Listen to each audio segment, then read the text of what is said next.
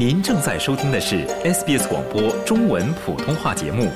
更多节目内容，请浏览 sbs 点 com 点 au 闲斜杠 mandarin，或下载应用程序 SBS Radio App。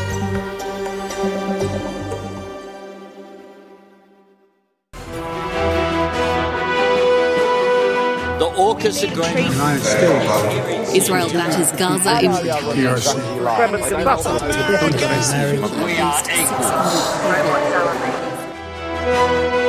热点新闻、公众话题拨打热线分享见解，，SBS 时事热线栏目。每周三早上八点半到九点播出。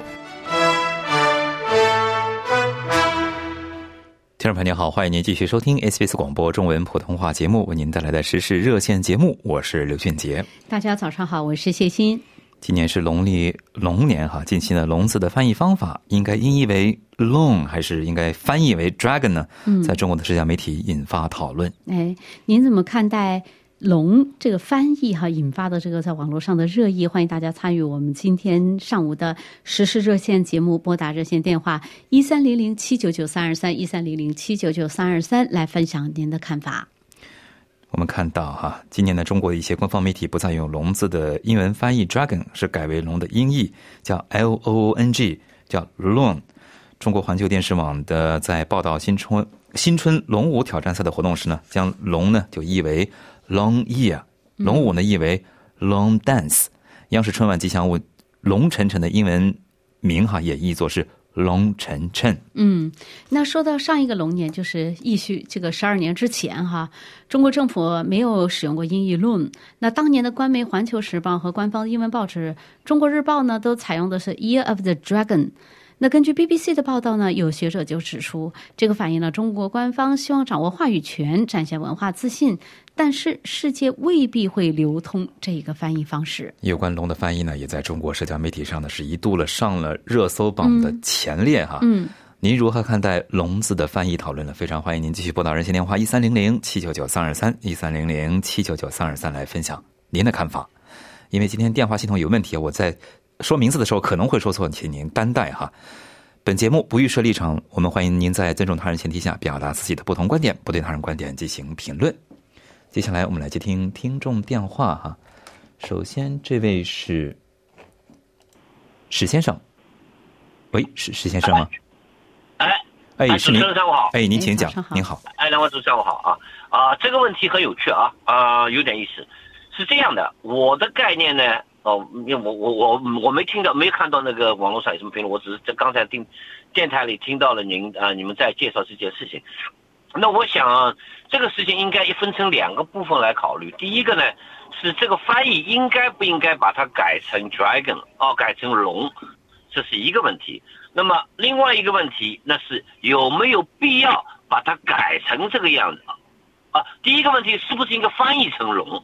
第二个是是不是应该把有必要把它改成现在直接把它改成龙？这是两个不同的概念。我想应该不应该把它翻译成龙？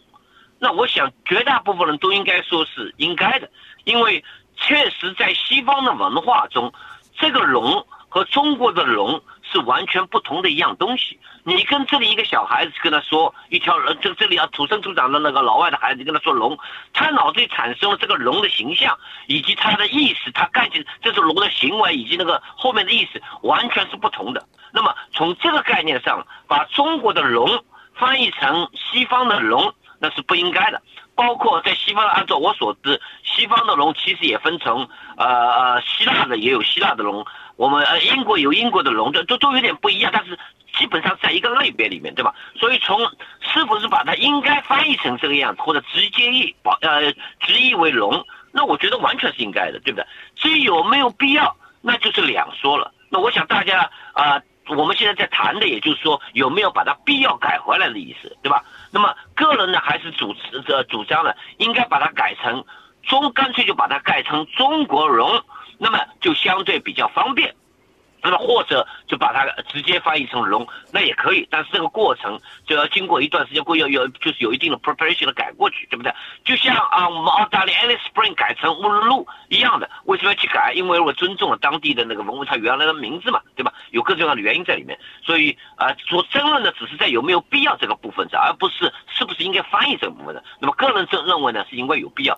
至于说啊，有很多人提出什么民族主义，那我觉得啊，这种人的心胸太过狭窄，或者说这种人是完全是一种不自信的一种一种一种一种表现。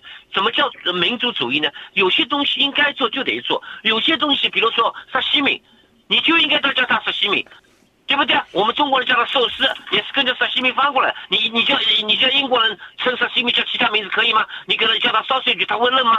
对吧？同样一个道理，就是把民族主义把它扯进来，那就扯得太远了。提出民族主义的人，那些人本身就是不自信的，更何况每个民族都有自己的特性，强调一个民族的特性，就称为民族，就就称之为民民族主义，那是有点过了。我不想用谢难听的话谢说这些人，好吧？这就有点太过分了，好吧？您的看法谢谢这是我的概念，谢谢啊，谢谢谢谢。听众朋友，热线电话依然是一三零零七九九三二三一三零零七九九三二三，非常欢迎您继续拨打。对，分享您的这个看法和观点。嗯，您如何看待这个“龙”的翻译引发的讨论和热议？哈，接下来我们接听下面一位听众，这位是刘先生。刘先生您好，喂喂，是我吗？是您，您请请讲。啊，你好，你好，你好，哎，对，那个这个肯定得改的，因为他这个呃不是不是说改不改，这个我觉得既然这个话题出来，肯定人们在生活中用用到了这个龙，因为这个一般说 dragon 在西方，就像哈利波特那里边那个龙，这这是吧？一般说 dragon 都是那个印象，孩子们在长大的。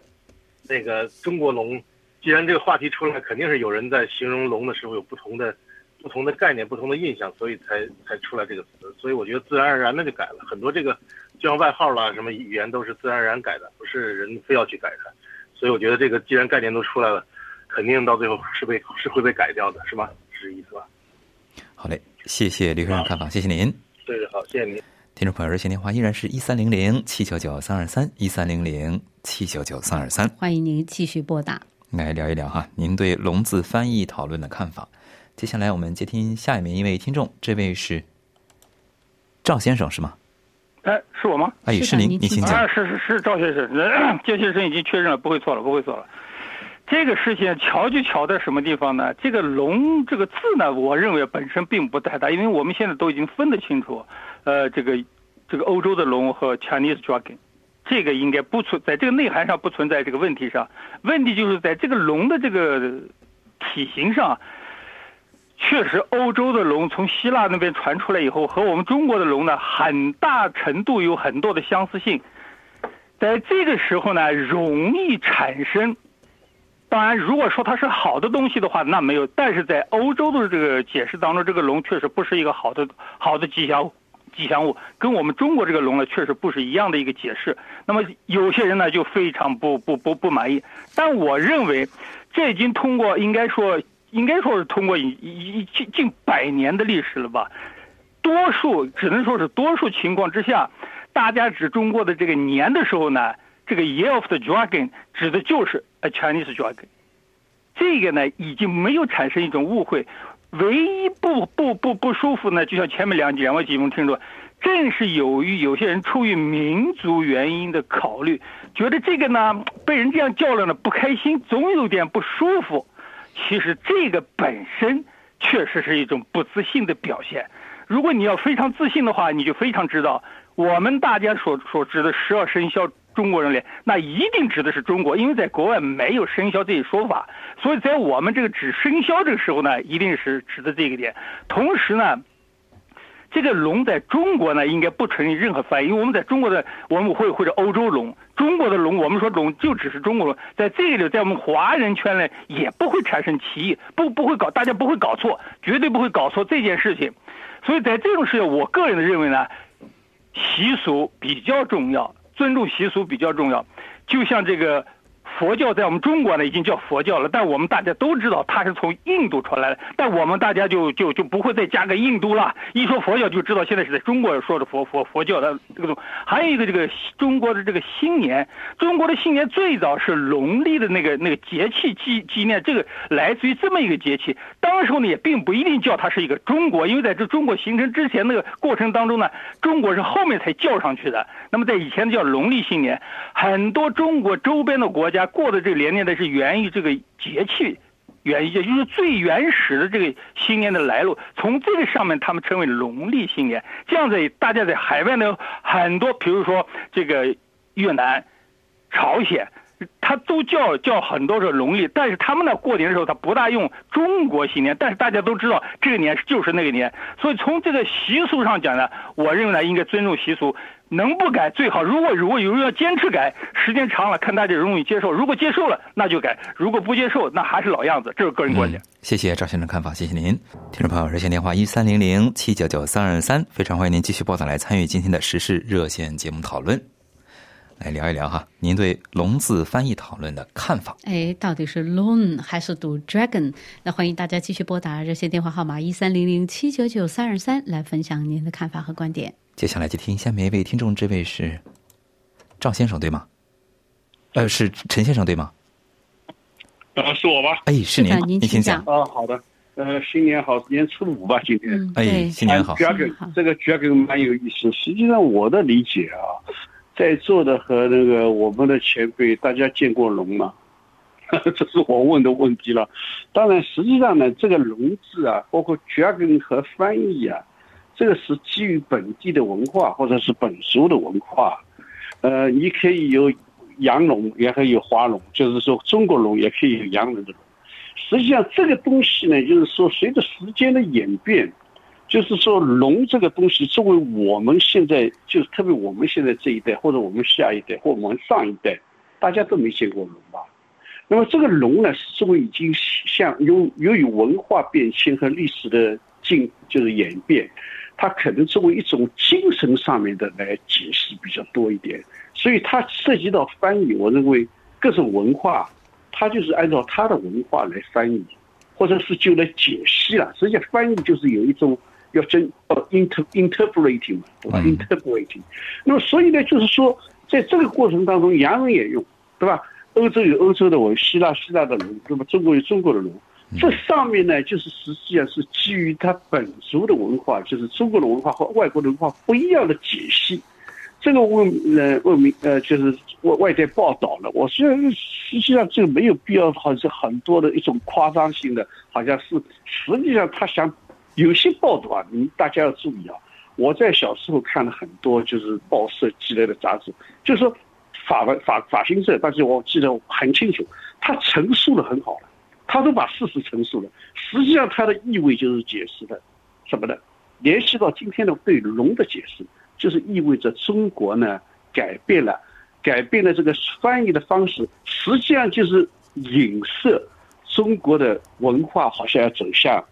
世界了，要强大了，就这个意思，这是我的理解了。当然不一定全都是很很严谨，对吧？这个谢谢您的看法，解释，好不好？谢谢您，听众朋友。接下来我们接听下面一位听众，这位是，如果没看错的话是曾先生是吗？哎，你好。哎，您请讲，曾先生，是您，是您，请讲。好，好，新年好，哎，大家新年好，哎，新年好，哎，好。然后，然后这个话题的话，我很快说几句啊。就我跟上面的观众的呃听众的意见差不多，因为龙这个东西它本来就一个，呃虚拟的，是吧？这因为毕竟现在还没有考证嘛。然后一个虚拟的，它只是代表我们一个图腾。然后你说啊，现在要怎么翻译的话，我觉得翻译这个东西它也是一个约定俗，就是说你用英语来说说啊呃，它你。呃，Dragon New Year 啊，whatever，然后这样的话，大家能够知道哦，这个是中国的农历新年，那那那那已经够了，是吧？他知道是什么意思就够了，不用说，呃，嗯，long 或者只是一个约定俗成。我我举个例子，好好比是 unicorn，unicorn 独角兽这个东西，西方国家也没有发现有啊，是吧？它也是一个虚拟的东西，但从中国来说，我们。意义，我们就说它是一个独角兽。那么我们也不会说一定要直译过来，我们一定要说哦，这个是个 unicorn 是吧？那我觉得，哎呀，其实这个大家只要懂它是什么意思，这个就好了，没有必要去纠正。当然了，这个要大家都愿意把它纠正过来，那么好像汉城改成是首尔，那我也无所谓啊。好然后大家知道谢谢曾先生看法，谢谢您，听众朋友，我们接下来接听下面一位听众哈，哦，尝试接一下，这位是，抱歉哈，这我这个系统里面看的不是很清楚，是王先生吗？哎，你好，哎，您请讲。请讲。我首先讲另外一个问题啊，大家知道中国人的名字，第一个是姓，第二个是第二个是名字，名字可以有两个字，有一个字，现在很混乱，到底咱们翻译的时候把这，因为中国那面是汉字一定要要三个字，到了澳洲了以后，到这个西方，到底应该把这两个名字名字在一起拼音啊，汉字在好比说习近平，好拼成这个近平还是拼成近？说这个事情啊，我觉得都要要商量，因为现在事情很混乱，在澳洲我就遇谢到这混乱。谢谢王先生看法，谢谢您。接下来我们接听下面一位听众，这位是周女士还是周先生？喂，这位听众您好，尾号为七八八的。七八八是我。哎，您请讲。周先生，您讲讲过了，我陈先生。哦，抱歉，我们今天的系统 是有问题啊，抱歉啊。接下来我们接听下面，尝试接听下面一位哈，这位是尾号为八六六的这位听众，您讲过吗？你好，哎，您请讲，言简意赅，三十秒。我我我认为是不用改，我们中文说就用中国的“龙”来写，嗯，就不会呃让人家捆在一起。好嘞，谢谢刘先生的看法，谢谢您。那么，听众朋友，由于时间关系，今天节目要和您说再见了哈。在节目的最后，温馨提醒您，今天节目中的听友个人言论不代表 SBS 立场，无法参与到电台半小时节目表达的听众呢，请登录 SBS 普通话节目 Facebook 页面，获取更多澳洲新闻资讯，可登录 sbs 点 com 点 au 向斜杠 Chinese。想在 SBS 当一回影评人吗？SBS On Demand 正在推送配有中文字幕的热门影视作品。您只需观看一部或以上影视作品，并把影评观后感发给我们，就有机会赢得一份 SBS 精美礼品。